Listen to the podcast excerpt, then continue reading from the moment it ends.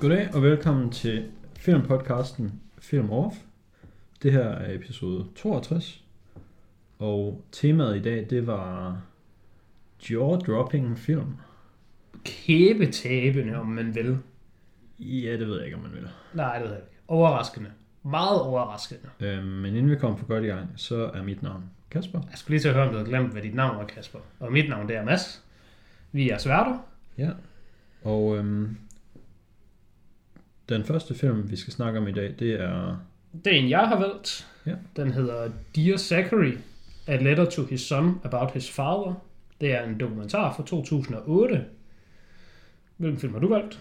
Øhm, jeg har valgt Ex Machina, som jeg lige var inde og YouTube, hvordan man udtaler, inden vi Det er til at optage i dag, fordi jeg skulle lige være sikker.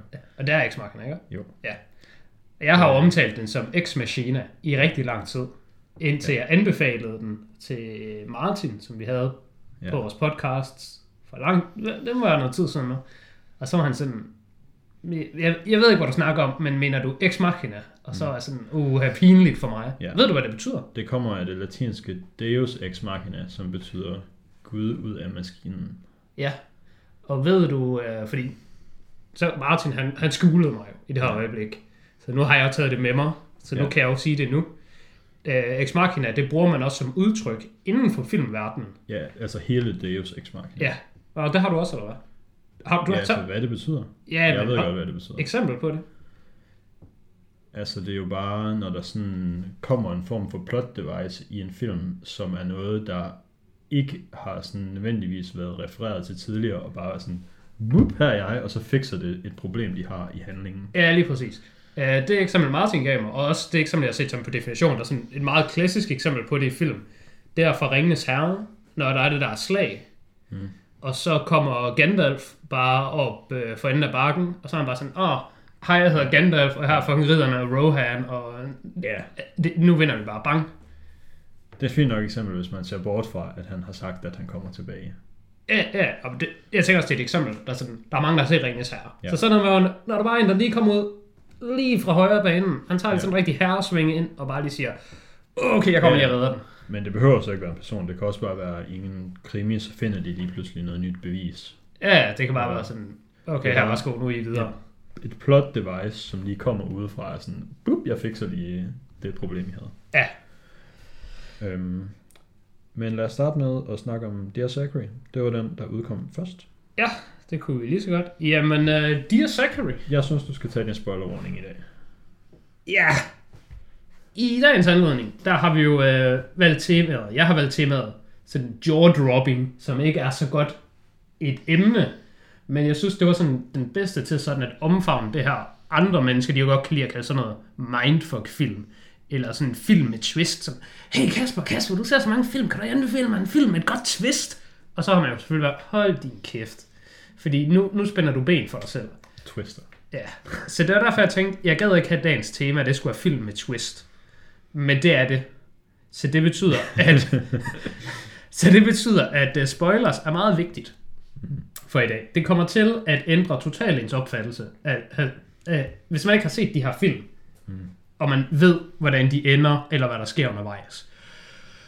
Så hvis man ikke har set filmene, så synes jeg, at det er jo rigtig dumt at tease sådan noget her med ens podcast, hvor man er interesseret i at have lyttere. Men jeg synes ikke, man skal fortsætte med at høre videre. Til gengæld, så kan jeg sige, at jeg har givet Dear Zachary 10 ud af 10, og jeg har givet Ex Machina 10 ud af 10. Og jeg vil anbefale dem til alle, der godt kan lide at se film, hvor man følger med. Hvis du ikke kan lide at se film, hvor man skal følge med, så vil jeg ikke anbefale dem til dig. Men, men de er ikke svære at forstå.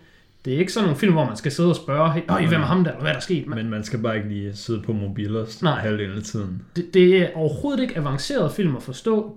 Det, er ikke sådan nogen, hvor de slutter sådan mega open-ended, eller man skal følge med, og vi skal se den igen. Fordi, skete det her, der skete det her, drejede snortoppen overhovedet rundt hele vejen, hvad, kan det betyde? Og så ind og have et fucking internetdiskussion med, med folk. Sådan er filmen slet ikke. De er totalt straightforward. Er den, er, den faktisk, er den faktisk dårlig med vilje, for at det skal føles som om den er dårlig? Så man får sådan en mærkelig følelse igennem hele filmen.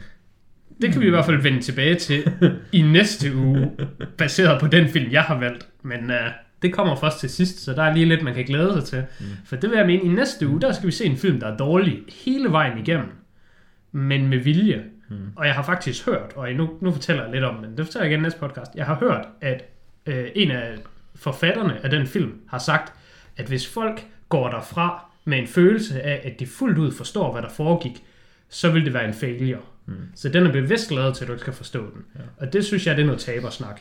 Det har vi intet af i dag. Altså, jeg refererer specifikt til Mulholland Drive. Ja, jeg refererer til det i næste mm. uge, som, er, som bliver godt. Ja. Dear Zachary, se den. Kom tilbage og lyt. Hvad, hvad har du af rating, bare så folk ved, hvor vi står? Også, også 10 ud af 10. 10 ud af 10 på Dear Zachary? Ja. Ja, okay. Jamen, så nu, nu har vi godt nok ramblet meget om spoilers. Se den nu bare. Mm. Ja. Skal jeg lige give et kort resume af, hvad den handler om? Ja. Dear Zachary er en dokumentarfilm fra 2008, der er lavet af Kurt Kun. Kurt Kunje. Hvad ved jeg? Det er Kurt. Kurt har lavet den. Om hans ven Andrew Bagby øh, til Andrews søn. Og grund til, at han har lavet den her dokumentar, er fordi Andrew er død. Det får man at vide meget tidligt i filmen. Det er næsten det film, man starter med. Øhm, og Andrew, han er ikke død af naturlige årsager. Han er blevet slået ihjel. Og så for at øh, lave det her øh, memoir, eller hvad man skal kalde det, øh, så tager Kurt ud på et øh, roadtrip, hvor han så interviewer alle Bagbys venner og kollegaer, folk der interagerer med ham og hans familie. Sådan at når øh, Zack han ligesom øh, vokser op, så har han alligevel et eller andet forhold til hans far. Øhm, nu hvor han er vokset op uden hans far, så kan han jo godt have mange spørgsmål til, hvem er han som person. Så det er egentlig det, filmen den tager udgangspunkt i. Men så er der enormt mange twists and turns undervejs. Der sker lidt. Uh, og det regner man jo som sådan også lidt med i det, man får at vide, at Andrew han er død, og at han er blevet skudt. Altså for det første, så er det jo først sådan en halv time måske inde i filmen, at man får at vide, at den her film faktisk er til Zachary. Fordi indtil da, der ved man ikke, at øh, hende, øh, Andrew har været sammen med, har været gravid. Nej, det er sandt. Men får man egentlig ikke at vide i starten, at den her film er lavet til Zachary. Men jeg tror bare ikke, at det sådan er udpenslet specifikt, hvem han har et barn med, eller hvem, hvor barnet kommer fra. Men, men jeg mener da, at man ved det lidt fra starten. Mm. Men det, det, det er heller ikke så vigtigt. Øh, jeg vil sige, at filmen var kun halvanden time, øh, og næsten hver halve time, så kommer der bare en ny film. Øh, den første halve time, der er det er ligesom den, hvor at han er død. Ja. Øh, altså Andrew er død, så den næste halve time, det er, hvor øh, man finder ud af, at hende, der er anklaget for at have slået ham ihjel, har været gravid med Andrews barn. Og så er der hele den her kamp om øh, barnet med forældremyndigheder, hvor øh, Andrews forældre, det vil sige øh, bedsteforældrene til Zack, de kæmper for at have øh, hvad hedder det, forældrerettighed myndigheder yeah. over øh, Zachary, fordi hende har Shirley, hun jo er anklaget for mor, og de er meget overbevist om, at hun har slået ham ihjel. Det, det er ikke sådan en af de der sager, hvor det er sådan, Måske har hun gjort det, måske har hun ikke gjort det. Der er ikke rigtig nogen beviser. Det er meget tydeligt, at hun har gjort det. Og ja, det er meget... det er det, man vil kalde en open and shut case. Men problemet er, at det er den bare ikke. Fordi at øh, hun er flygtet fra der, hvor hun er anklaget. Ja. Til et andet land. Ja. Hun har... Altså, filmen foregår både i USA og i Canada. Ja. Og Shirley er fra Canada. Og hun flygter til Canada, og så bor der. Ja. Og hun er anklaget for et mord i USA, og de kan så ikke få hende udleveret for sådan ligesom at prosecute hende, retsforfølge hende. Ja.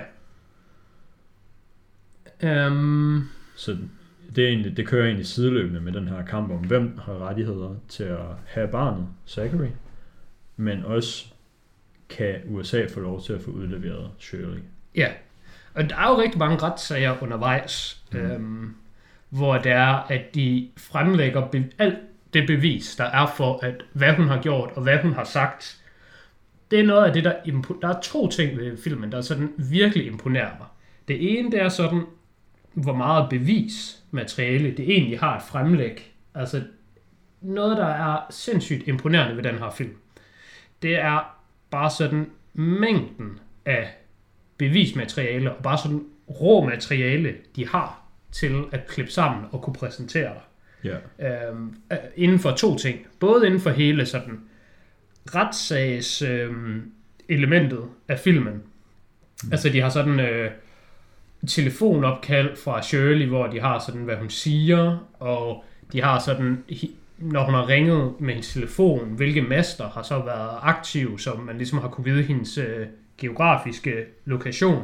Ja. Så når hun har sagt, Nå, men jeg var hjemme den her lørdag, så sådan, du har ringet fra din telefon 8 gange, eller 800 gange, sådan en absurd mængde gange, og det har bare været fra den her stat, og den her stat, og den her stat, og den her stat. Hvis man følger alle de her stater, så er det bare... Så nok en lille linje fra der, hvor hun slog Andrew ihjel til Canada. Ja, lige præcis, hvor hun bor, og så når hun kommer hjem, så dagen efter, så om morgenen ringer hun, Hej Andrew, nå det er bare mig, jeg kom bare lige til at tænke på dig, jeg, jeg, jeg har slet ikke, jeg, jeg har faktisk slet ikke været nogen steder, jeg var bare hjemme i går, men øh, jeg vil bare lige høre, om vi skulle mødes en dag.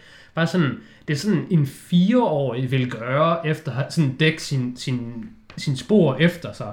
Ja. Bare være sådan, okay, jeg taber lige det her glas og slår det i stykker, og så når mor og far kommer hjem, så er jeg sådan, Nå, jeg er også lige kommet hjem. Ja. Jeg har ikke været hjemme i særlig lang tid. Jeg ved ikke noget. ja, det er en af de eneste Det kører ting, sådan to det er spor. en af de eneste ting, jeg sådan synes var sådan lidt... Altså, jeg kan jo ikke sige urealistisk, fordi det er jo ting, der er foregået i virkeligheden, det her. Men de snakker på et tidspunkt om, at hun var sådan... Hun er meget kalkuleret, hun havde virkelig sådan planlagt det her mor og sådan noget. Og ja, det kan godt være, hun havde, men hun var jo... Jeg synes ikke, ja, jeg synes ikke de taler om, at hun var kalkuleret. De, de taler ikke om, at hun var et geni. De, de taler nej, hele tiden om, det det er premeditated. Ja, sure. Men det, det betyder ikke, at det, det er godt Men, lavet. nej, nej, fordi hun var fucking dum. Ja, meget dumt. Altså det man jo gør, det er, at man har sin telefon hos en anden person, og så har man optaget nogle fucking opkald med din stemme, der så ringer hele tiden, mens du kører. Mm. Og så har du ligesom noget der. Altså du, du kører ikke en lige linje ned til der, hvor du skal begå mor og hjem igen, mens du konstant ringer til folk. Ja. Ah, Altså, det og slår er, ham ihjel med din egen person, eller med din egen personlige pistol, som du lige har haft købt skydetimer med den sådan foregående Du har, lige, uge. du har lige købt den, du har lige registreret den, du har lige haft undervisning i den, du har de samme form for ammunition med til undervisningen, som Andrew er blevet skudt med. Mm. Altså, filmen er enormt urealistisk, hvis ikke det var, fordi den bare var sand. Ja. Altså, hvis det, var, hvis det var en film, man så sådan, som sådan en detektivfilm eller et eller andet, så man tænkte, det her, det er jo for dumt, fordi de fanger ham jo bare, fordi alt beviset peger jo bare i den retning. Mm. Men det er egentlig noget af det, jeg godt kan lide ved den her film. Fordi ret ofte, så kan jeg ikke lide at se dokumentarfilm. Der var engang, jeg så rigtig mange dokumentarfilm, mm. hvor jeg næsten sådan tænkte, som, som regel, hver tiende film, jeg så, det skulle være en dokumentarfilm. Men det, det er jeg gået ret hurtigt væk fra, fordi jeg synes, problemet med dokumentarfilm, det er, at de er så farvede. Jeg synes altid, dokumentarfilm, de er ja, ja, som regel folk, der producerer en dokumentarfilm, har en eller anden form for agenda. Ja, altså forskellen på dokumentarfilm og konspirationsteorifilm i min bog, den er ikke særlig stor. Det er fandme næsten det samme.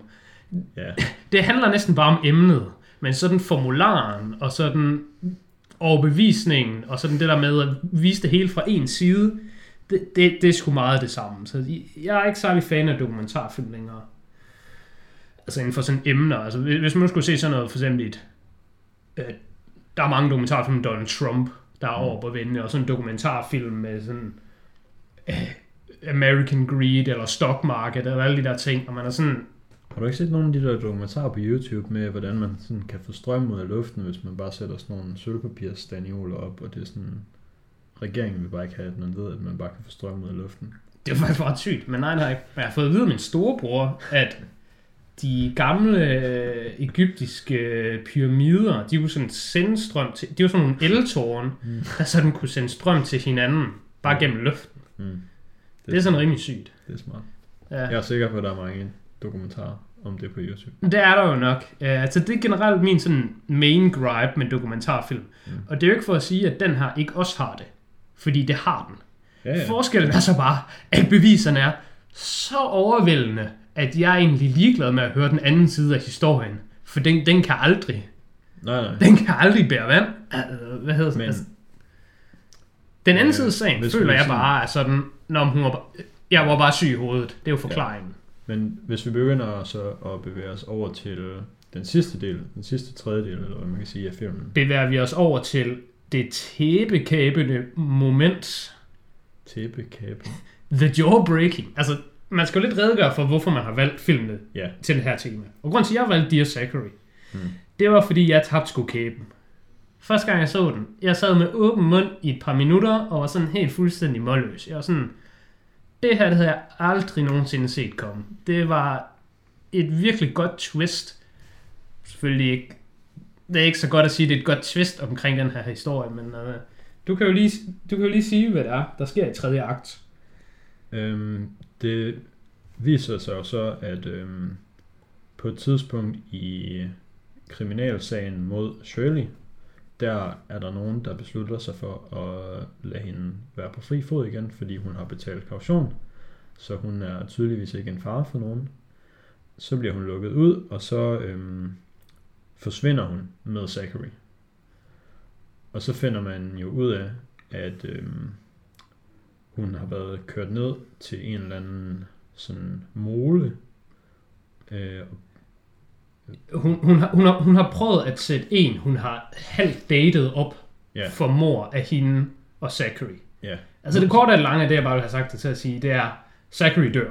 ja, Og i det han dør, der var jeg godt nok sådan, what the fuck. Det havde jeg godt nok overhovedet ikke regnet med. Det synes jeg virkelig, at der, sådan i en dokumentarfilm, der er lavet til en dreng, som når han vokser op, så skal han se den. Den person, som dokumentaren er lavet til, at han dør inde i dokumentaren, og dermed ikke kan se den. er det en rimelig sindssyg mavepuster? det er altså sådan en twist, man overhovedet ikke ser komme. Og så er det jo selvfølgelig bare endnu mere emotionelt altså, Mm. at det jo er et barn på lidt over et år, Ja, øh, det handler om. Ja, det der med, nu hvor du nævnte det med kaution, den synes jeg, den var ret interessant, og det er også sådan en pointe, de bare sådan tæsker igennem op til flere gange, hvor det er, at, at dommen siger, at grunden til, at hun er på kaution, er fordi hun er blevet vurderet til ikke at være farlig for hende selv eller hendes omgivelser, fordi til trods for, at hendes øh, forbrydelse, den var voldelig, så var den også meget personlig, så hun bare kun havde imod Andrew, og nu hvor Andrew er død, så er der ikke nogen andre, der behøver at være bange for hende, fordi hun er jo ikke en hendes, morder. hendes kriminelle mål i livet var at slå Andrew ihjel. Og Og- nu var Andrew slået ihjel, så nu kunne hun ligesom ikke udføre mere kriminalitet. Lige præcis. Det er sådan, jamen altså, en bankrøver, han kan jo bare røve Jyske Bank. Og så kan han bare sige, ah, jeg skal jo kun røve Jyske Bank i centrum i Aalborg. Og nu hvor jeg har røvet den, så har jeg jo ikke tænkt mig at røve Danske Bank, fordi jeg røver kun specifikke banker. Mm. Det er sådan den, det argument, de kører igennem med, at det er kun Andrew, hun vil slå ihjel. Og han er jo død, så hun slår jo andre ihjel. Men det er så også det, jeg mener med, at øh, nu sagde du, at du er lidt ligeglad med den anden side af argumentet, men formålet med den her øh, dokumentar, som er det, vi snakker om, at dokumentar som regel har et eller andet mål, men de gerne vil have dig til at have en bestemt holdning til noget. Det, de vil have dig til at have en holdning til, er jo ikke, Shirley er kriminel, vi skal have en dømt. Mm. Fordi hun er både for sure kriminel, om, jeg ved ikke, om man bliver dømt, når man er død, men hun er i hvert fald også død, så det kan være fucking lige meget. Det, den her dokumentar gerne vil have dig til at lave en holdning til, det er jo øhm, sådan Ja, retssystemet. retssystemet, og specielt kautionssystemet Ja, i USA, Ja. som jeg også synes er et totalt fucked system. Det er et mega underligt system. Der er jo også bare... Øh, hvilken film er det nu, der, øh, hvor man ser det? Men altså med kautionssystemet, du kan også købe øh, kautionsbonds, hvor du så går ind til en, og så... Hvis nu du har kaution på, lad os sige, 100.000 dollars, Mm. så kan du gå ind til nogen, der har de her øh, kautionbonds, og så købe et kautionsbond til en værdi af 100.000, men måske bare til 50.000. Så du kan, gå ind sådan, du kan bare gå ind og købe gavekort, men det er ikke en til en. Så du går ind til sådan en eller anden øh, private detective-agtig type, og så siger at jeg skal stille kaution til dem her, og det, for det første skal de ikke vide, at de kommer fra mig. Så det skal være, det skal være sådan anonymt. Mm. Og for det andet, så gider jeg ikke betale det fulde beløb, I guess. Så det, Det er klart, det gider man da ikke. jeg, jeg forstår, jeg forstår slet heller ikke det der, øh, hvilken film var det nu, så det, det var sådan en, øh, det, det, var sådan en The Nice Guys-agtig film, Mm. hvor det så er sådan en, der stiller kautionsbonds, og så går det ikke helt op, og nogen forsvinder, og så skal de ud og finde dem, fordi penge og stof. Og det var ligegyldigt. Det der bare med, det er sådan, det der kautionssystem, det giver ingen mening. Og Nej. det, der jo Altså- virkelig gør den her film så god, synes jeg, det er forældrene.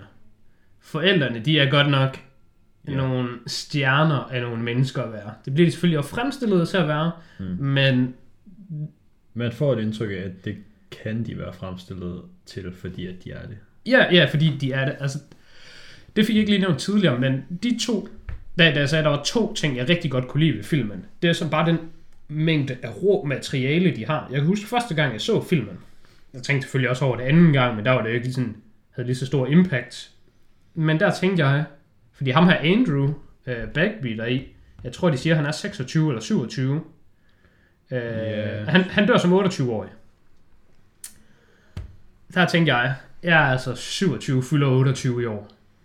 Hvis jeg dør nu, og der er nogen, der skulle lave en film om mig, Så ville den fandme være kedelig. så, så jamen, det må være Det var i hvert fald sådan, jeg havde det med mig selv også. Ja, okay, så du havde samme tanke. Jeg tænkte Ja. bare, hold kæft, man, de har bare meget materiale fra dengang Ja, ja. jeg var ung, og ikke bare mange billeder, men meget videoer. Altså, Ja, ja. det, det, det der, det kan jeg slet ikke. Altså, det er jo fucking Ja. Superman, der er blevet slået ihjel. Altså, Ja, det er sådan, jeg tænkte også meget over, at øhm, Andrew er født lige omkring 20 år før mig. Men han har meget mere sådan noget fucking hjemmevideo og sådan noget. ja, Jeg har sgu ikke noget hjemmevideo. ja han er fra, Var hjemmevideoen ting, folk havde i Danmark i 90'erne? han er fra 73. Ja. Jamen, det, nå, men så tænkte vi nemlig sammen, hvor sådan, hold kæft, hvor er der bare meget materiale. Ja. Men altså ikke bare det med, at de havde alt det der video. Så kendte han jo også bare fucking... Han havde 200 mennesker, der alle sammen ville lave ham til fucking hans best man ved deres bryllup. De sagde, at de fucking elsker ham og vil dø for ham. Er for, at han var deres bror, han var Ja. den bror, de aldrig havde, at han var fucking den bedste. Eller var man bare sådan, wow, det er godt nok. Uden at det skal være for zoomer-depression, så ved jeg ikke, om jeg har nogen af den slags venner i mit liv. Nej, nej, det er nemlig også det. Jeg, jeg tænkte præcis samme, jeg så den. Så der er jeg glad for, at vi er sådan på, på bølgelængde der. Men selv skulle sådan, jeg tænker, ham der Andrew Bagby, han er da godt nok lidt en fucking supermand. Ja. Og hans forældre, de er godt nok også legendariske. Ja. De flytter også bare til en ny by, og så kommer de til en ny by, og alle var sådan, oh wow, de her mennesker, de var de fucking fedeste i byen. Altså, de godt nok kun boet her i et halvt år, men øh, jeg vil bare være deres ven, og du vil være deres ven, og Mm. alle vil gøre alt for dem. Altså, det er selvfølgelig en dokumentar, så den maler selvfølgelig også det billede, men der bliver nødt til at være et fundament at bygge på. Så det er sådan selv, hvis det er sådan spillet lidt op, ja. eller man har redigeret det til, for at det ser ekstra godt ud, så skal der jo stadigvæk være noget.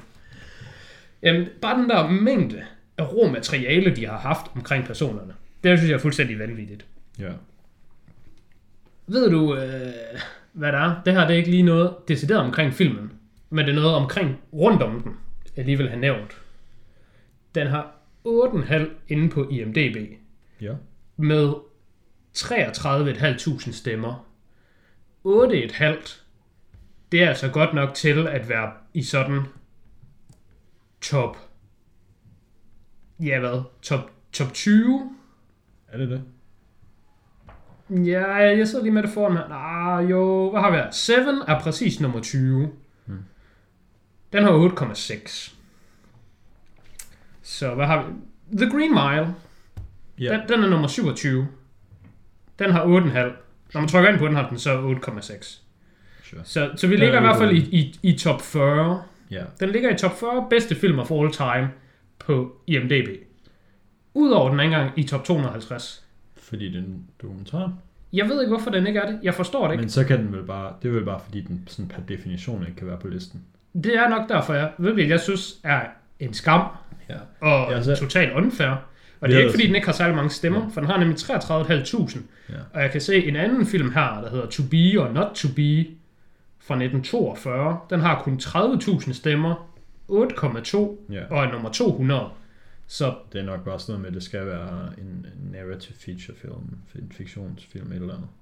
jamen, det kan godt være. Der, der må jo være nogle Ja. kriterier i hvert fald. Jeg, øhm, vi, jeg så den sammen med min kæreste, vi havde set den to minutter af den, så, så, og så gik det op for mig, at det var måske lidt underligt, hvis hun ikke vidste det her. Så jeg fortalte hende, at det var en dokumentar. Fordi, altså, det, Ja. var, sådan, det var sådan kind of obvious, men hvis man bare sådan tror, at det er sådan en film, der er lavet sådan en dokumentar, Hvis man nu tror, Så- det er sådan en, sådan en Blair Witch Project-agtig film. så har tingene, der sker i den, måske ikke helt så stor impact på en. Nej. Så jeg sagde bare lige, det her det er en dokumentar, by the way. Ja.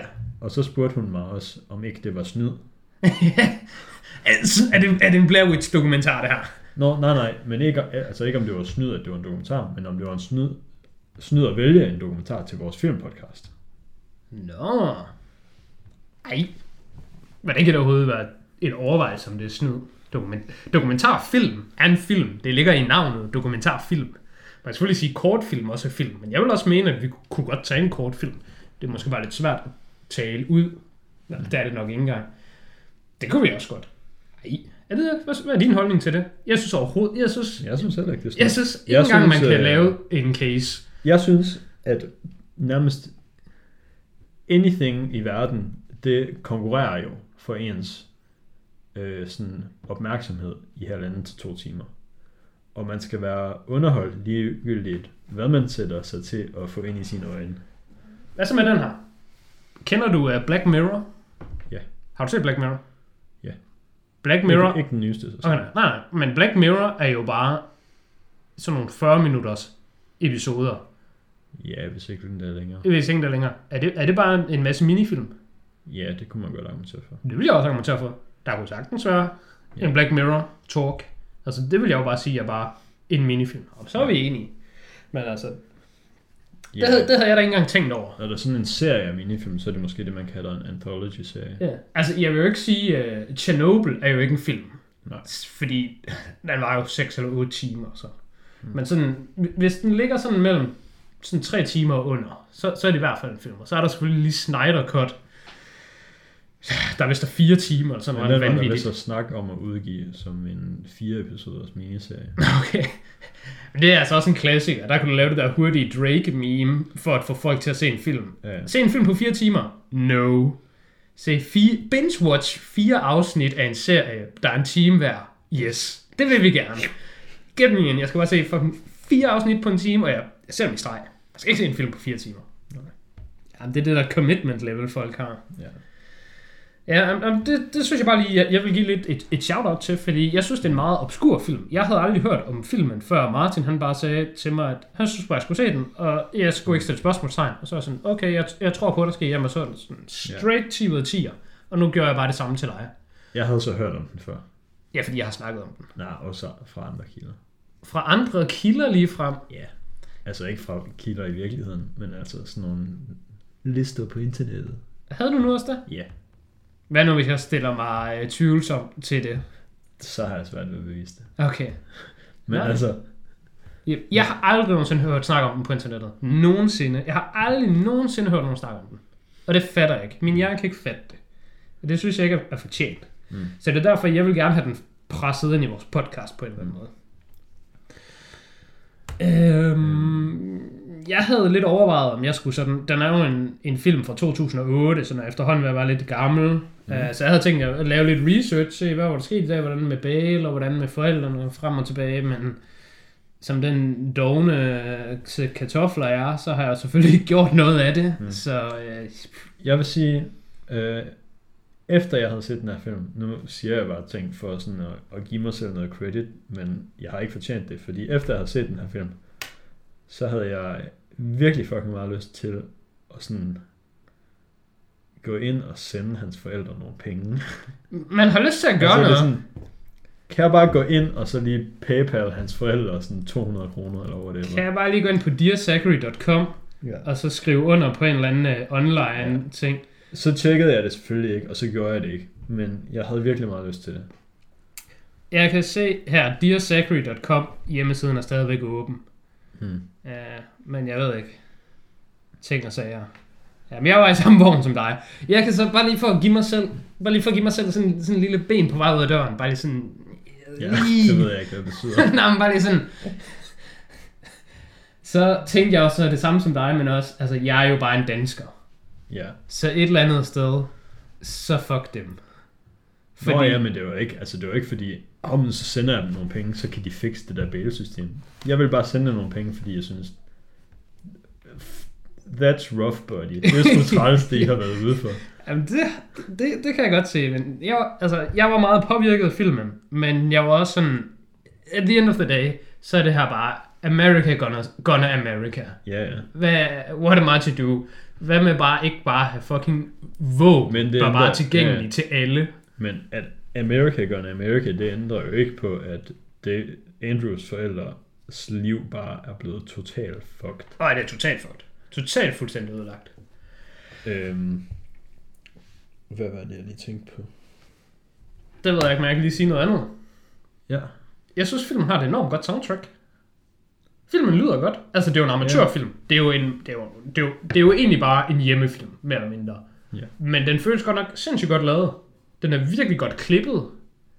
Øh, altså sådan narrativet er enormt godt fortalt. Storytelling-elementet er virkelig højt. Kunne, Og- kunne vel hellere widescreen. Ja, det kunne den godt. det, det, den, vi kunne godt have undgået kassen, men jeg synes også, at det kunne noget, at, at kassen var der. Fordi det, kassen, den gav lidt mere et indblik i, at det her, det bare var noget amatør. Ja, så. Jeg, jeg synes faktisk, at det gav lidt. Mm. Hvorimod øh, Mank, skulle jeg mene, også er en kassefilm. Og, og da jeg så Mank, så var det jo bare utilgiveligt, det var en kassefilm. Fordi det er jo en produ- høj, velproduceret film, Oscar bait, der er meningen, der skal vinde Oscars. Og fucking David Fincher instruerede den, og et Men- limitless budget. Men den er jo bare straight lavet til at skulle ligne Citizen Kane. Den er jo bare en kasse, og det synes jeg talt er en joke. Mm. Hvorimod, jeg synes faktisk, det giver noget. Jeg synes, det giver noget til Dear Zachary, det er en kasse. Det, det, det, jeg tror faktisk, jeg foretrækker det for at gå så langt. Øh, det er nok den eneste film, jeg kan sige det om, fordi selvom øh, It's a Wonderful Life er en kassefilm, så vil jeg da helt sikkert synes, det var bedre, hvis den bare var widescreen. Ja. Det giver ikke noget til den andet, end det giver til den anden. Ja, bekræftet, den her film er gammel. Har du set First Reformed? Ja, den med Ethan Hawke, Ja. skulle jeg mene. Den er også en kassefilm, jo. Og det er en moderne kassefilm, så der har de valgt, at det skulle være en kasse. Ja. Ja. Og kæft, det er også noget prætentiøst lort. ja, er det ikke også en af dem, øh, hvor der, der er sådan en øh, hallucinationsscene midt inde i det hele, hvor de bare sådan svæver? Det ved jeg ikke. Den er både, filmen er både pivelendig, og så er det, har de uselessly valgt, at det skal være i en kasse i stedet for widescreen. Nu siger jeg bare lige til, til dit forsvar, du hakker for meget mere på den. Du har givet den 2,5 ud af 5. Så pivelendig er måske hårdt den, at sige. Den skal ned. Den skal ned, okay. Ja. Jeg har givet den 2 ud af 5. Det, det, Øhm. det har været recency bias. Det er lidt, Ja, jeg husker også, jeg husker den ikke, ikke så hot. Noget, jeg synes var meget relatable dengang, og nu er vi tilbage til Zoomer-depression, Uh-huh. det var dengang, at øh, Andrews far fortalte, hvad deres første tanke var, da de hørte, at han var død. Det var bare, okay, nu får vi lige ordnet alle det praktiske, øhm, ordner begravelsen, og så tager vi bare hjem, og så slår vi os selv ihjel, fordi nu er der ikke noget at leve for længere. Ja, faren, han var godt nok en, en, en stjerne. Kæft, faren, han var god. Han sagde virkelig mange ting, der bare var, Han var virkelig bare sådan, Ej, der kommer bare raw truth ud af din mund lige. han er bare en truth speaker. Ja. De der gange, man bare sådan, altså jeg kunne også bare tage bilen og køre over til hende og bare slå hende ihjel. Mm. Og det ved jeg godt, at jeg ville jo ikke slippe afsted med det, jeg ville være den første, de fandt, men altså, så ville jeg jo bare ryge i fængsel, og så ville Zachary komme hen til øh, konen, og så ville det jo bare være godt for Zachary. Mm. Og så er jeg jo bare i fængsel, og så, så har jeg jo bare en for en mig selv. Ja. Ja. Ja, faren, han var godt nok... Øh, kæft, han var god. Det, det, der er sjovt ved den her film, det er, der er så gode karakterer der i. Og det er jo ikke engang karakterer, det er jo rigtige mennesker. ja. Jamen, øh, vi har jo allerede givet vores ratings, men altså, Ja. jeg har, givet den, jeg har ikke givet den 10 ud af 10. Nej. Det er en format. Det er en skala breaker, det her Ja, for det, mig. det er jeg enig med, dig. Og den, den er sgu virkelig en hård skala breaker. Jeg, Ja. jeg har givet den 13 ud af 10 op i min hjerne. Mm. Vi er over Inception. Det har jeg ikke vi, vi, været ved at regne på. altså, den er ikke Jeg kan 15 ud af sige, 10, som jo sidste- er det, mit max indtil videre. Øh, den sidste måske halve time film, det var faktisk allerede fra før, at man fandt ud af, at Zachary var død. Fra måske sådan et kvarter før Zachary er død. Det er måske cirka den sidste halvdel af filmen. Ja. Der, der græd jeg bare. Der løb bare tårer ned ad mit ansigt. jeg, jeg, jeg smed også et par tårer op til flere gange, forskellige tidspunkter igennem filmen. Det var også en, det var en, det var en film, hvor at jeg sad med en klump i halsen i næsten over en time i hvert fald. Over en time sad jeg bare med en klump i halsen, og det, det er sådan lidt ubehageligt. Da filmen var slut, der havde jeg en dårlig følelse i min krop af sådan at have været utilpas i så lang tid. Mm. Jeg, havde, jeg var sådan øm i mit Adams æble. Der, der kunne jeg sådan mærke, at jeg har haft en klump i halsen til at sidde i virkelig lang tid. Så altså, det er godt nok en film, der den er emotionelt hård at se, men på en Ja. god måde. Ja. Og det er anden gang, jeg ser den, og jeg synes, den var lige så god som første gang, jeg så den. Og den er ikke sådan en af de der film. Der er nogen, de kan godt lide at sige sådan noget om Schindlers Liste, for eksempel. Bare sådan, det er en film, man ser en gang i sit liv. Eller Jagten har jeg faktisk også hørt rigtig mange sige, at Jagten, den ser man en gang i sit liv, og man kunne aldrig finde på at gense den. Den er stadig ikke lige fået set. Ja, selvfølgelig. Selvfølgelig har Kasper ikke set Jagten. Nok bare den anden bedste danske film nogensinde lavet, men hvem gider at se den? Hvad er den bedste? Hvad er den bedste film nogensinde lavet? Den bedste danske film nogensinde lavet. Duerne er pistolen nu. 1, 2, 3, sig noget. Blinkende lygter. Nej, den skyldige. Okay. Men blinkende lygter vil jeg putte på tredje plads. Jeg har bedste danske film nogensinde lavet. Det er den skyldige. Og den er bare sådan 15 ud af 10. Så kommer jagten. Den er sådan 13-14 ud af 10. Så kommer blinkende lygter, de grønne slagter og Adams æbler. Og det er bare, det, er bare det samme. Hmm. De kommer på actual 10 ud af 10. Okay. Men du har jo selvfølgelig, du har, du har selvfølgelig set film. Vi skal aldrig have set retfærdighedens rytter, når, når det kan lade sig gøre igen. Ja. Det var vel alt at sige om Dear Zachary. Hvis vi skal videre til Ex Machina. Ja. Det er um, til gengæld øh, bare en helt almindelig film. Helt almindelig film. Det er ikke en dokumentar. Der er ikke noget, øhm, der er ikke noget baseret på virkelige hændelser her. Det er sgu bare en historie. De binder der bare ting på ærmet. Hvad for noget? De binder der bare ting på ærmet. Ja. De bilder der ting ind. De pynter sig med lån det fjer. Det er det øhm. pure opspind. Du stopper mig bare. Ja.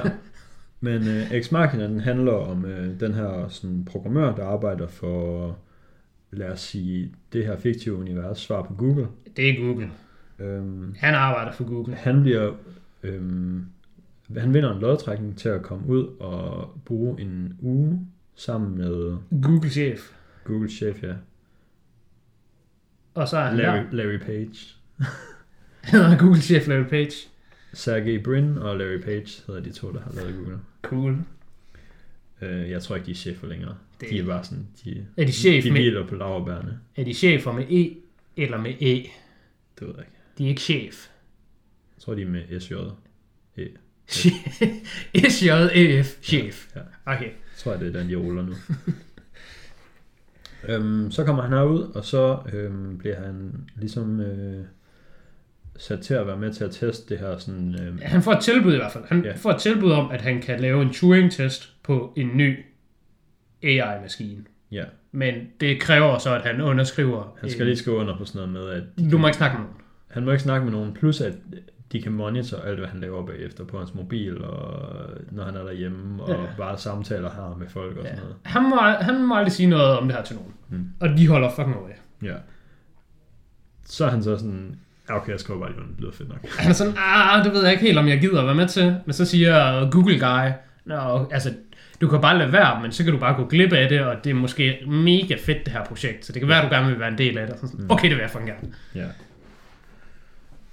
Øhm, så bliver han jo så sat ind i det, og så får han lov til at ligesom mødes og skulle have nogle samtaler med den her øh, robot, er det jo så, eller en cyborg, om man vil. Mm-hmm. Øh, androide. Ja, du kan bare finde på ting, du har lyst til. Lad os gå med cyborg. Okay. Øhm, det er sådan set mere eller mindre det, der sker i løbet Ja, det er sådan præmissen. Ja. Så øhm, ser man jo ligesom, at øh, hans forhold med den her øh, kunstig intelligens, den sådan udvikler sig af filmen med, at fra hver dag, der har han nogle møder med den, og de snakker om ting, og så kan den huske ting, de har snakket om, og Ja. diverse. Altså han skal jo teste, hvorvidt han mener, den er sådan bevidst omkring, hvad der foregår. Ja. Og ikke bare sådan reflektere ham tilbage. Altså den, den, han kan godt have en samtale med den, men ved den selv, den har en samtale, forstår den, hvad en samtale er. Mm. Alle de der ting. Jeg synes, du, øh, du sprang lidt over noget, vi normalt taler om, når vi kommer til film, og det er jo blandt andet sådan noget som skuespillerne, der er med, og instruktør og så videre. Jamen, nu vil jeg lige give et recap først. Fedt. Instruktøren, Det er, som også er forfatteren. det er Alex Garland. Ja. Det er hans første film som instruktør. Uh, det er altså, den er altså god at starte ud med, den her. Men inden det, der har han skrevet blandt andet 28 Days Later og Sunshine, som jeg synes er en sådan... Ja, jeg har ikke set nogen af de film. Jeg har set 28 Days Later. Øh, sådan de første 10 minutter, men der lignede bare, Mm. at den var totalt gået sådan i smadret. Nå. Fordi kvaliteten var totalt ødelagt. Men så læste jeg på nettet, at det er meningen, eller sådan, den findes kun i, i, i smadret. Så, så om du har DVD'en, Mm. så er DVD'en VHS-kvalitet. Mm. Øh, så det ved jeg ikke lige helt, hvad der sker for det. Så, så, så det slukker jeg skulle lige for. Ja. Øh, men også, senere øh, har jeg set hans Annihilation. Ja. Og den synes jeg er meget god. Den er sgu fin. Den kan man se på Netflix, og synes, det er okay. Ja. Ellers så har vi jo skuespillere øh, Alicia Vikander, som Ja. jeg ikke kender at all for noget som helst. Donald Gleeson, som jeg ikke kender for noget som helst. Men hver gang jeg ser ham, så tænker jeg altid, hey, det er sgu da ham, der jeg godt kan lide. Ja. Og så selvfølgelig Oscar Isaac. Og det her det var første gang, jeg nogensinde så Oscar Isaac. Jeg kendte ikke Oscar Isaac før den her film. Hvad fuck snakker du om? Hvad jeg snakker om? Har du set Star Wars-filmene? Jeg kendte ikke Oscar Isaac før. Han er ham, der er hotshot-piloten. Det ved jeg godt. Star Wars-film. Det ved jeg godt. Hvornår er Star Wars fra? Han er også med i Annihilation. Nå, okay, okay. okay. Hvornår er film fra, Kasper? Jeg, jeg troede, du mente, at lige her i går, da du så Nej. X Machina, der var du sådan, når det er ham, der er Oscar Isaac, okay, fair nok. Jeg så, Ja, jeg ved sgu da heller ikke, hvad han var med i før 2015. jeg så Ex Machina i 2014. Og... Ja. Jeg, har ikke, jeg, jeg kunne ikke kende ham fra andet. Dengang. Nej. Men jeg kan se, at han er med i Drive. Det kan Ja. jeg sgu ikke huske, han er med deri. Men uh, jeg kender ham overhovedet ikke. Men til gengæld så, øh, da jeg har anbefalet filmen sådan senere hen til andre folk, for eksempel Martin, lige, Mm. lige tilbagevendende, skud ud til ham. Han var sådan, fandme, han lytter. han anbefalede, det var faktisk, det var faktisk en trade, vi lavede den aften, kan jeg huske. Han sagde sådan, du skal bare se fucking Dear Zachary. Så var jeg sådan, okay, så skal du bare se fucking Ex Machina, som så var Ex Machina, og så Mm. blev jeg lige skulet, desværre. Det var faktisk præcis det, der skete. Så, så sms'ede han til mig, under den der dansescene, som vi kommer til at snakke om senere. Mm. Wow, hvad fuck er det her for en fucking mærkelig dansescene?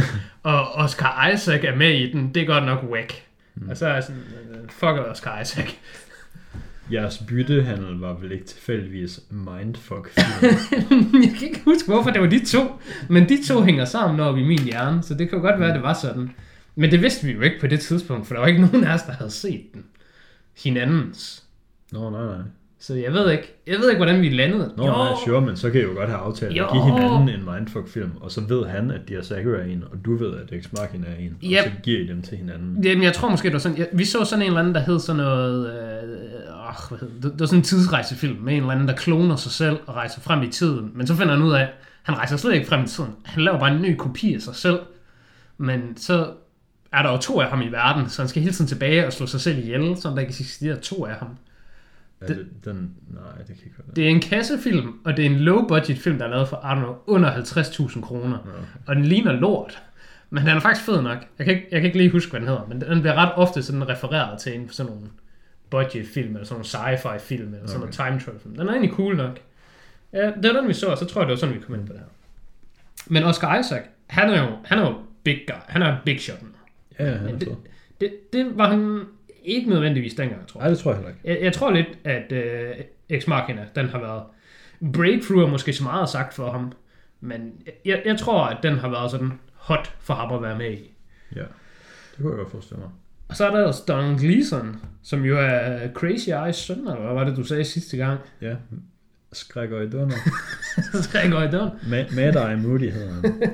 øh, men Donald Gleeson, han er jo også med i nogle Harry Potter-film. Han er en af Weasley-brødrene.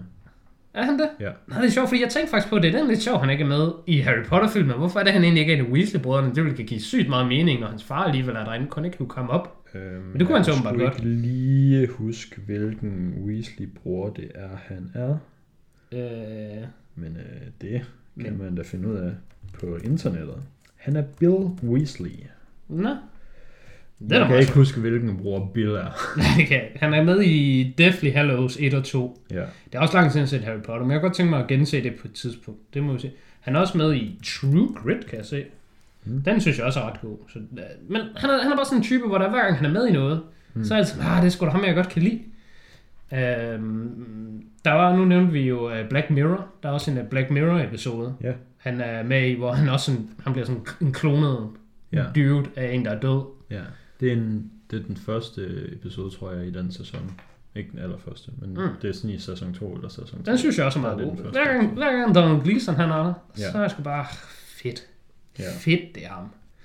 Og det, det havde jeg da også, dengang jeg så den her film. Der kan jeg huske, jeg så det. Og han var den eneste, jeg kendte det. Jeg var sådan, ah, jeg elsker ham allerede. Jeg elsker allerede den her film. Mm. Og jeg elskede sgu også den her film første gang, jeg så den. Og jeg elskede den sgu også anden gang, jeg så den. Jeg var lidt nervøs for, skal jeg vide, hvordan jeg kommer til at have det med den her film, når jeg ser den anden gang. Fordi første gang så den, der vidste jeg ingenting om den. Jeg vidste engang, at det var en sci-fi film, eller AI, eller jeg vidste engang, hvordan man udtalte navnet på titlen. Ah, det er så heller ikke så vigtigt. Ja, dengang filmen startede, og han havde vundet et eller andet, der troede jeg, han skulle ud i et spagophold, og bare på ferie, Mm. og bare være der.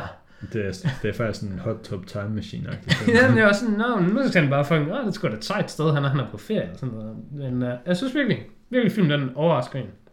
Ja. Hvorfor har du valgt den som uh, jawbreaker? Hvad er uh, jaw-dropping?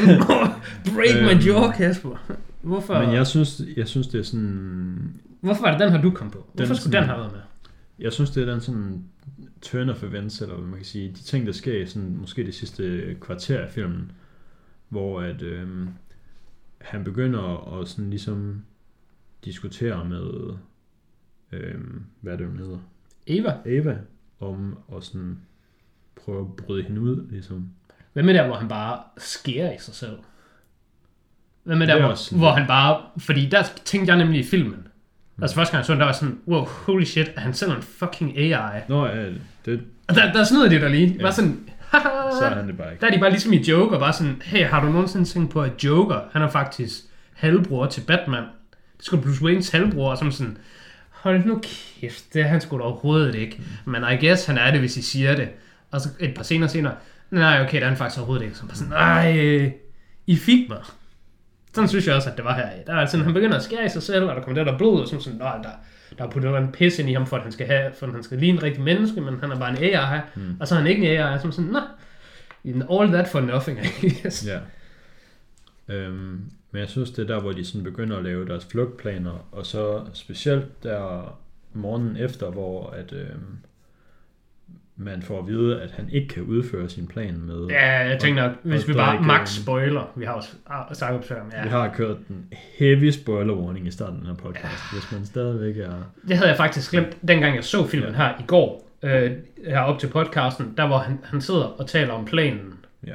til Nathan, og Nathan han har opdaget ham, fordi han har hængt det der ekstra kamera op, Ja. og han bare fortæller, åh, hele den her plan.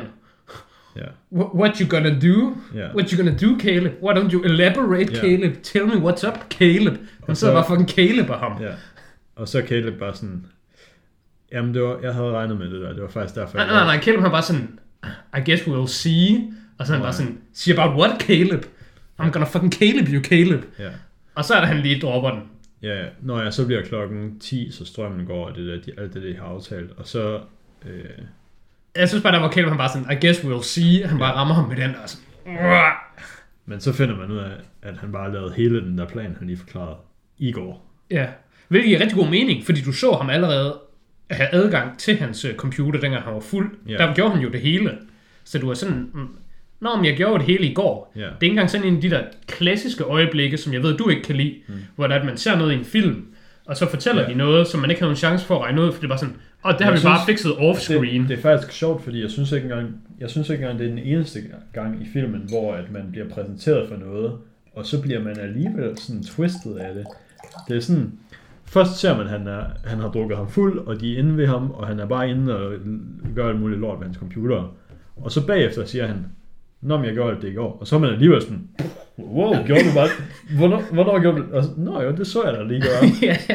Men så er der også, så er der den, sådan senere, som jeg også synes er sådan på en måde lidt det samme med sådan et twist, hvor man egentlig bare har fået det at vide, og så bliver man alligevel sådan lidt mindfucked af det, fordi øh, der har øhm, Nathan bare sådan siddet og sagt til Caleb, det var faktisk meningen, at hun skulle prøve at få dig til at kunne lide hende, så du ville hjælpe hende med at flygte. Øh, det er sådan det, jeg har programmeret hende til. Hun har bare sådan snydt dig til at tro, at hun godt kan lide dig. Og så Caleb sådan, nej, hun kan faktisk godt lide mig. Jeg, jeg tror godt, hun kan lide mig rigtigt. Ja. Og så kører de videre med deres escape plan. Og så der, hvor de sådan, okay, Nathan er out of the way, han er blevet slået ihjel, lad os flygte sammen. Så er hun bare sådan, ej, jeg låser bare Caleb ind. ja, ja, det er sådan, ah, okay. Så det var sådan, okay, fucking alt det Nathan lige sagde med, at hun er bare ligeglad med Caleb, det var bare rigtigt. Ja. Nathan har lige sagt det hele til Caleb, og Caleb han var sådan, nej, det tror jeg ikke er rigtigt. Ja, sådan, mig." nej, det er ikke rigtigt. Og så er det bare sådan, som Nathan har sagt, og så er man alligevel sådan, wow, var det bare sådan? Ja, og det, det, det er sådan lidt det der klassiske, øh, sådan, jeg skulle mene, det er også sådan psykologisk. Hvis det er, hvis du får noget at vide, Hmm. og du så bagefter får noget contradicting at vide, Ja. Så er det mest sandsynligt, at du tror på det første, du har fået at vide. Ja. Altså, hvis du bare får præsenteret, Det, lyder rigtigt. du, du får bare præsenteret to sider af en sag, Ja. og du har ikke nogen holdning til noget af det. Og så skal du fortælle, hvilken en er sand. Så er du sådan, det er mere sandsynligt, at det første, du har fået at vide, det tror du er sandt, end det næste, du har fået at vide. Er Og- joken her, så lige om lidt, så fortæller du mig, at det der, det er ikke en rigtig teori, det er bare noget, lige har fundet Ah. på. Og så skal vi se, om jeg tror, det er rigtigt eller ej. og så er du selvfølgelig sådan, det tror jeg er rigtigt, fordi du startede med at sige, det var rigtigt. Ja. Men man, man får jo hele tiden at vide, hvad Ava siger, og Ava starter bare med at lave den hurtige. Du skal ikke tro på Nathan. Mm. Og så er man sådan, nå okay, jeg skal ikke tro på Nathan. Ja. Og så når Nathan han kommer og siger noget, så er man bare sådan, ah okay Nathan, men jeg skal jo ikke tro på dig. Ja. Ja, den, den har virkelig mange gode twists der til sidst, hvor det var sådan, um, nu skal vi bare videre, og vi er bare sluppet fri, og Eva hun var sådan, nah, du afslører mig jo bare, hvis vi slipper fri, så mm. kan du ikke bare blive hernede. Det er også en virkelig god slutning. Nu synes jeg, vi sprunget meget langt ind, men altså bare Ja. lige nu, hvor vi er ved slutningen. Jeg synes, øh, Jeg kan bare lige get around. jeg vil ikke lige komme rundt. Jeg synes, der ved slutningen, der, er- den er sådan, den binder filmen virkelig godt sammen. Fordi, jeg kan huske første gang, jeg så den, og endda også her, hvor jeg så den anden gang, Mm. Og egentlig havde set den før, der jeg sådan tænkt, hvordan er det nu egentlig helt præcis, den her film slutter? Jeg kan godt huske selve slutningen overordnet set, men hvordan kommer vi egentlig derhen-agtigt? Hvordan, hvordan får den her film ligesom sådan bundet en fin sløjfe på sig selv, og så være sådan, nu er det ligesom, det hele er afviklet. Lidt i modsætning til, hvad var det nu for en film, vi snakkede om sidst, den jeg bare synes, der bare sluttede. Don John. Nej, Don John, hvor Don John var bare sådan, Den, nu, den- nu den er der ikke mere film. Ja. Vi løb tør for bånd. ja, lige præcis. Den var sådan, nå, der er ikke mere. Den synes jeg nemlig slet ikke det problem, øh, Ex Machina har. Når den slutter, så er du sådan, ah wow, det var bare perfekt. I fik lukket alle huller, det hele det går op, og der, der, der er ikke sådan... Ja, som jeg synes, at filmen er enormt god, så sidder jeg ikke sådan og vil have mere. Så er det hele er bare sådan helt perfekt. Mm. Hun flyver væk i en helikopter, og det er ikke sådan, man sidder og tænker, åh, hvordan kunne hun overhovedet det? Fordi ham helikoptermanden, han forventede jo, det var Caleb, der kom. Altså hun siger bare til helikoptermanden, hej, han er dernede en uge mere, det er jo bare mig, du skal sende hjem, og så er helikoptermanden sådan, okay, jeg stiller ikke spørgsmålstegn til noget, fordi det må jeg ikke, jeg henter bare folk og går igen. Mm. Så det er sådan, det hele det passer bare sammen, synes Ja, jeg. ja. Ja, altså, man får det ikke på sådan en, jeg vil have mere af den her film-agtig måde. Nej, nej, eller, altså det vil man gerne i den forstand, at jeg tænker, efter jeg så den, både sådan for en 4-5 år, 6, 7, 7 år siden nu, I guess, dengang jeg så den, der tænkte man, jeg skal have mere af den her film. Hmm. Men ikke mere af den her film, jeg skal bare have mere af det her. Ja. Filmen føles afsluttet. Man kan godt vil have mere af det næste instruktøren laver, eller man kan have mere, hvor de har skuespillere med. Ja, eller jamen, jeg skal have mere af sådan den her type film. Ja, men kan du ikke faktisk uh, anbefale mig en god mindfuck-film? Jo, men jeg tænker også, altså jeg ved godt, vi, vi nævnte det ikke til Dear Zachary. Der nævnte vi ikke anbefalinger. Hmm. Og det er egentlig også fordi, det var en, jeg synes, jeg synes ikke rigtigt, jeg kan komme med noget lignende til Dear Zachary. Det tætteste på, jeg kan komme til Dear Zachary, det er Ode to My Father. Og det, og det er sådan rimelig langt derfra alligevel, synes ja. jeg. Men, men det, det er sgu sådan lidt en film, man kan se med en klump i halsen og få nogle Ja. tårer til at trille, og der er nogle gode mennesker, men det er overhovedet ikke en dokumentarfilm, og det er også en glad film. Og, ja. men, men det er sådan, jeg ved ikke, kan du, kan du lige pistolskud fra hoften? Dear Zachary, en anbefaling. Øh, altså den, jeg havde tænkt på at anbefale dig, det er øhm, Icarus, som er en anden dokumentar. Som jeg har set. Ja. Okay, det lød bare som om du sagde, Nå, den nej, jeg har tænkt at anbefale dig. Nå, nej, nej, det var bare sådan... Altså, det er en anden dokumentar, som også Jeg har godt- en jeg kan godt se det. Den handler slet ikke om det samme, men det er bare det samme præmis med, at man har en, man har en Det, det er person, en der går i gang- dokumentarfilm, ja, der starter. Der, der starter med, at en person går i gang med at lave en dokumentar om noget, og så lige pludselig, så sker der et eller andet, så dokumentaren kommer til at handle om noget andet, Ja, og den er også god. Jamen, det kan jeg det, også er godt sådan, se. det er sådan der sammenligningerne slutter. Ja. Mit problem med Icarus var jo bare, at det filmen, eller dokumentaren, startede med at handle om, mm. det vil jeg bare gerne have, den handlede mere om. Så da den skifter mm. sådan emne for mig, så er jeg sådan, jeg synes også, det her emne nummer to er spændende. Men jeg synes, emne nummer et var mere spændende. Ja. Så det var bare ærgerligt. Ja. Um, der kom lige lidt anbefalinger fra den anden film ind her. Så er det Ja. folk, der sidder bare fucking og skipper rundt i fucking vores podcasts, og bare sådan fucking ikke hører det hele i et mm. drag. De kan lige blive straffet. Ja. Eller de kan bare tilfældigvis ramme her og få den anbefaling. Ja. Det, det, begge dele kan jo ske. Ja. Så holder vi dem lige lidt på tæerne. Hmm. Øhm, ved du, hvad jeg virkelig synes er imponerende ved Ex Machina? Hvad Og noget, der er sådan... Det er perfekt til, hvis man har hørt andre af vores øh, podcast-episoder, for det her det er noget, jeg ret ofte nævner. Nu må vi prøve at se, om jeg kan, om jeg kan lave den samme melodi, som jeg altid laver, fordi nu er jeg blevet bevidst omkring den. Mm. Men det er ret ofte, at jeg nævner, at i film, der at lyden i baggrunden er ofte meget indikerende for, hvilken form for stemning, der er i filmen, og hvilken følelse du skal have. Så når du ser en, der sidder ved et skrivebord, og det er kedeligt, og han hader hans arbejde, så er det bare sådan noget fucking, øh, gå hjem og hæng dig selv musik. Og når det skal være hacker guy, så er det præcis den samme scene, og så er det bare... Og det er sådan noget, som man jo bare skal acceptere i filmverdenen. Ja. Jeg har tænkt det samme ved øh, Ex Machina. Jeg synes, det er en enormt uhyggelig film. Den er virkelig spooky. Spook. Den er Den meget, har meget sådan et, spooky, øh, den her. Og det er den, fordi hver gang, at øh, strømmen går, så bliver den rød. Mm. Og det er noget meget uhyggelig musik, der konstant kører. Ja. Den har sådan lidt nogle sådan dunkle synthesizer. Ja. Men jeg kan huske, er første gang jeg meget så filmen, der synes jeg, den var virkelig uhyggelig.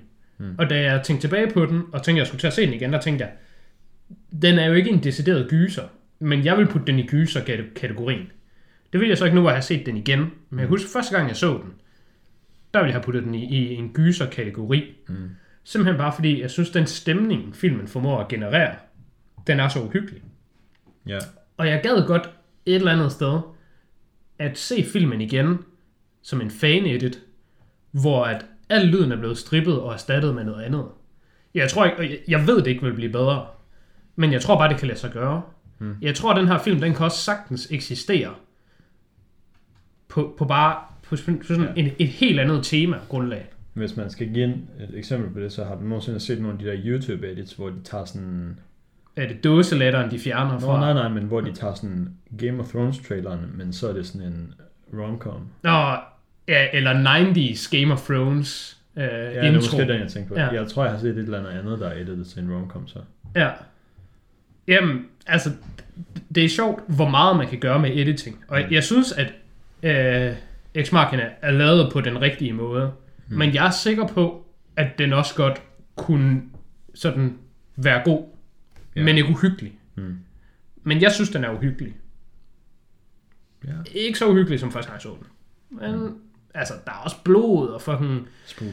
øh, psykologisk er man sådan lidt, wow, hvad sker der her-agtigt. Og Blod og spook. det der også er med det der, at altså Nathan er jo mm. fysisk stærkere end øh, Caleb, og Nathan er uterrenelig. Altså, ja. Man kan godt være sådan lidt, kan vide om Nathan, han bare fucking går amok nu. Altså, kan han bare sådan, flip, altså han bare, altså, jeg synes uterrenelig er, er det bedste ord for ham. Altså, man er lidt bange for ham. Ja. Jeg vil være utryg fucking ude i ingenting sammen med ham her, der bare sådan, det eneste, jeg laver, der er fucking drik, ævel og træne. Og han er sådan uendelig milliardær. Ja, yeah, altså, han, han kan jo bare fuck your shit op. Ja. Og til sådan, du- kan bare forsvinde, og det er jo bare ligegyldigt. Ja. Og altså, han er også bare fysisk stærkere end Caleb. Han kan jo bare fuck som shit op. Mm. Så, så jeg synes, filmen har rigtig mange sådan nogle utrygge elementer over sig, som, ja. som binder ret godt sammen. Øh, med det sagt, så øh, der hvor kniven går ind i Nathan, Ja. det var altså upsetting at se, synes jeg. Den der kniv, den er altså bare sådan, Ja, den går langsomt. Den går langsomt ind. den glider altså lige. Det er bare en fucking en, en, en varm kniv igennem sådan stuetemperatur smør. Mm. Det er bare slup. Ja. Og så ryger den bare lige ud igen. Og så er det bare sådan, hov, jeg tror, du har tabt noget. Værsgo her, den her kniv igen. Ja. Der var sådan, ui, der var han bakker ind i den. Ja. Shit. Der havde jeg sådan en helt utilpas følelse i min egen sådan, Ja. torso. Jeg var sådan, Men det er også der, man... han bliver jo ikke stukket. Nej. Det er bare som om, hey, du har tabt noget. Ja. Og den her kniv, den, kan du ikke lige holde den? Ja. Du kan lige holde den med din mave. sådan, I stedet for, når man er færdig med at bruge en kniv, så sætter man lige ned i knivblokken. Så i stedet for ned i knivblokken, så er det bare Lige lige ind i Nathan. Det er nemlig også den følelse, jeg havde af den. Det er bare sådan, nå, den kan lige hænge her. Ja. Blup. Uh. Det var, sgu, det var også lidt jaw-dropping nemlig. Det var der, hvor jeg tænkte, kan jeg vide, om det var det jaw-dropping øjeblik, fordi det var sådan helt... Men der er, man jo også, der er man jo ved at være på et tidspunkt i filmen, hvor man sådan, måske holder lidt med Nathan igen. Og sådan, Jeg holder mig 100% med Nathan. man tror på de ting, han har sagt. Altså der, hvor Eva, Eva hun kommer ud, og, og, og tonen er sådan ret uhyggelig, der er man sådan, åh, oh, fuck, de er fucking i fare, dem her nu. Ja.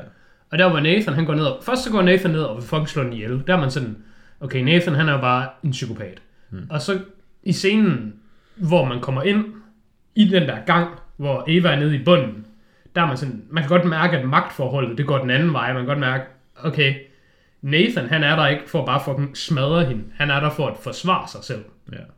Og der er man sådan, åh oh, shit. Og hende der Kyoto, der er man også, der, jeg, jeg huskede det faktisk forkert.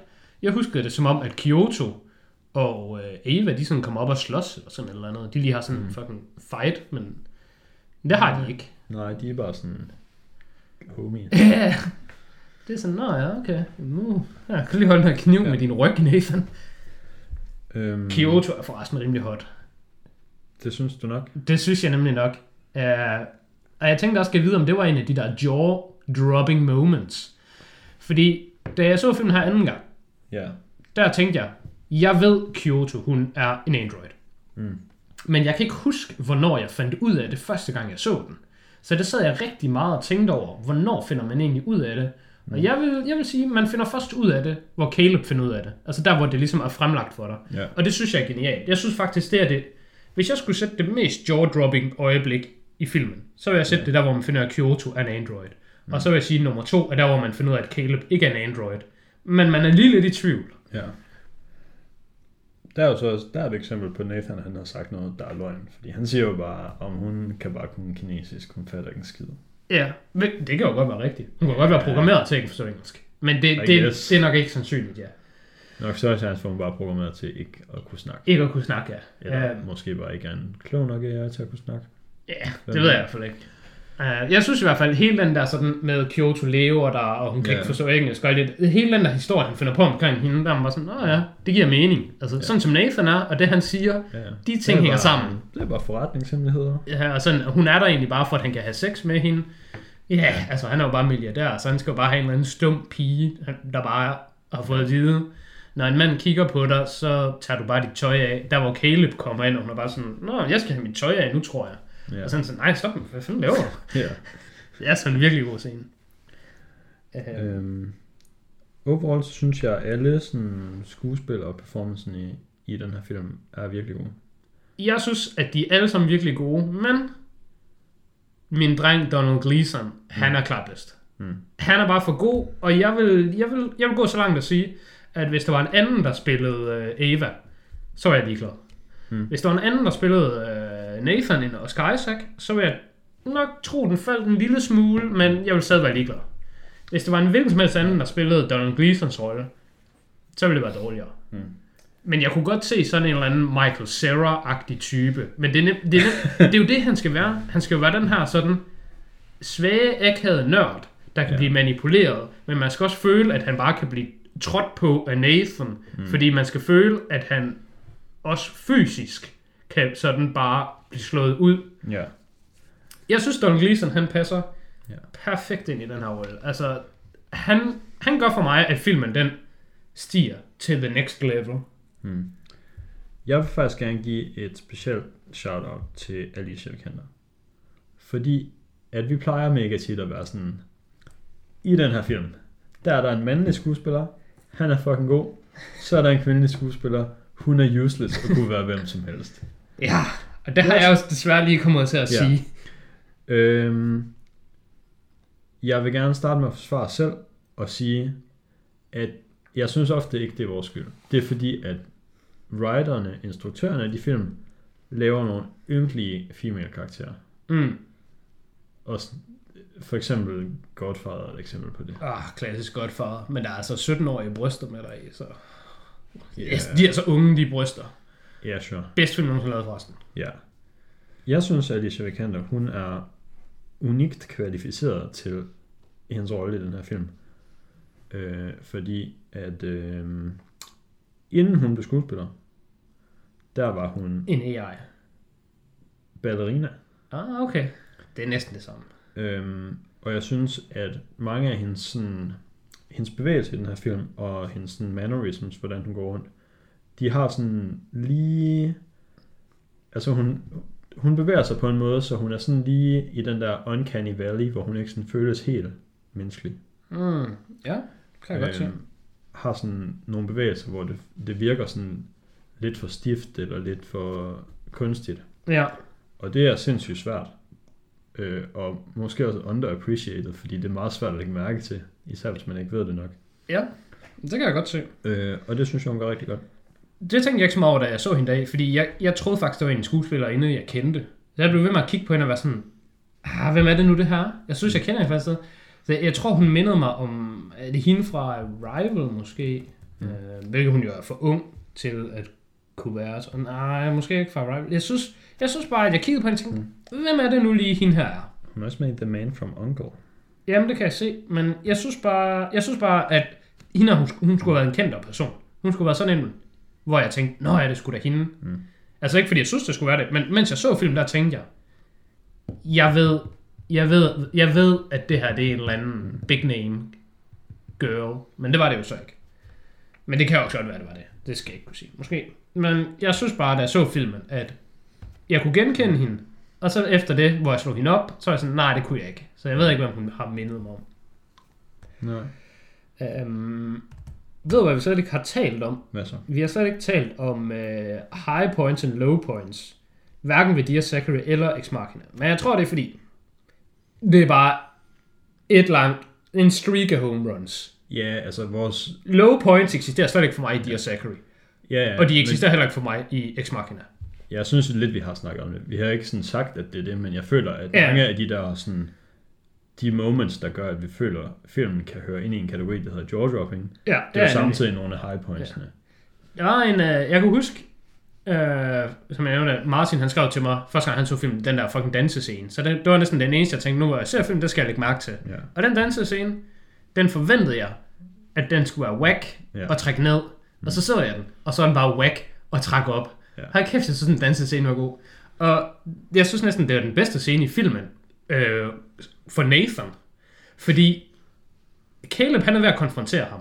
Ja. Og siger sådan et eller andet shit, og sådan, you're tearing me apart, Lisa. Et eller andet med, you're tearing me. Mm. Og sådan, og Nathan, han kigger bare på ham og bare siger, only thing I'm gonna tear up, dude, is the stand floor, dance floor. Og så går han bare ud og fucking danse og sådan, check me out, dude. Og så er man bare sådan, hvad fuck snakker du om? Altså, det, jeg synes, hele den dansescene, den indkapsler bedst muligt, hvordan man skal opfatte Nathan. Ja. Og det er, at han er bare utilregnelig. Ja. Nathan, han er der bare, og han er sindssygt klog, men han er bare fucking utilregnelig og mærkelig. Så du skal ikke tro, at der er logic at hente hos ham, fordi han er ikke tearing stuff up, except the dance floor. Og det var bare fucking sjovt. Så det vil jeg lige have pointeret. At, mm. For det var en af de, det er en af de scener, jeg også føler, der falder uden for tonen af filmen. Men det er fordi, jeg synes, den her scene er til for Nathan. Det er Nathans scene, selve dansescenen. Ja. Hvorimod stort set resten af filmen er enten Caleb's scene eller Evas scene. Ja. Så er det sgu også bare sjovt. Ja, ja, det var. Har du nogle... Øh, Vi har jo egentlig snakket om, hvad, hvor vi var henne ratingsmæssigt. Ja, altså det har vi jo, men det har vi jo ikke. Fordi Ex Machina er jo en skala bryder. Okay, okay. Så at have givet den 10 ud af 10 er ikke helt sandt. Hmm. Jeg giver Ex Machina 13 ud af 10. Zachary 14 ud af 10. Bare lige sådan. Stærkt. Bare lige sådan, vi ved, hvor tingene ligger, men de er simpelthen skalabrydende. Og noget af det, begge film vinder rigtig meget på, det er, jeg synes, konceptet er sådan fuldstændig unikt og fuldstændig ja. specielt. Og at, at kunne gense Ex Machina og vide alt om den, og den bare var god hele vejen igennem, det var, det var sgu, uh, Mm. det var sgu en skala-bryder for mig. Hvem dig? Står du? Ja, men jeg har sgu ikke rigtig tænkt så meget over... Fint, du har givet den 10 Jeg er af bare 10. på 10 ud af 10. Fordi Perfekt. jeg har ikke... Anbefalinger. Øhm, jeg har anbefalet... Jeg har faktisk fire anbefalinger. Og det er godt. Jeg har kun én, Okay. fordi jeg har ikke fundet på det. Jeg har Arrival. Jeg tager lige en. Okay. Gone Girl. Ja, den er god. Har du den? Nej. Okay, pyr. Jeg tager Gone Girl. Okay. Hvis man godt kan lide Ex Machina, så ser man bare Gone Girl. Jeg har øhm, Arrival. Ja. Det er en anden science fiction film. Så er der Shutter Island. Det er sådan mere sådan en... Det er en meget thriller-agtig thriller. Ja. Psykologisk thriller. Jeg kan godt være med på det, du siger indtil videre. Øh, så har jeg Nocturnal Animals. Synes jeg også er sådan en Ja. ja. lidt psykologisk thriller-agtig. Ja. Er det den med det der tog? Nej. De kører i tog? Nå, Nej. Okay. De kører i bil. I bil. Ja, nej, det er ikke det, jeg tænker. Altså. Next. Det. Plus, Øhm, hvad er den fjerde?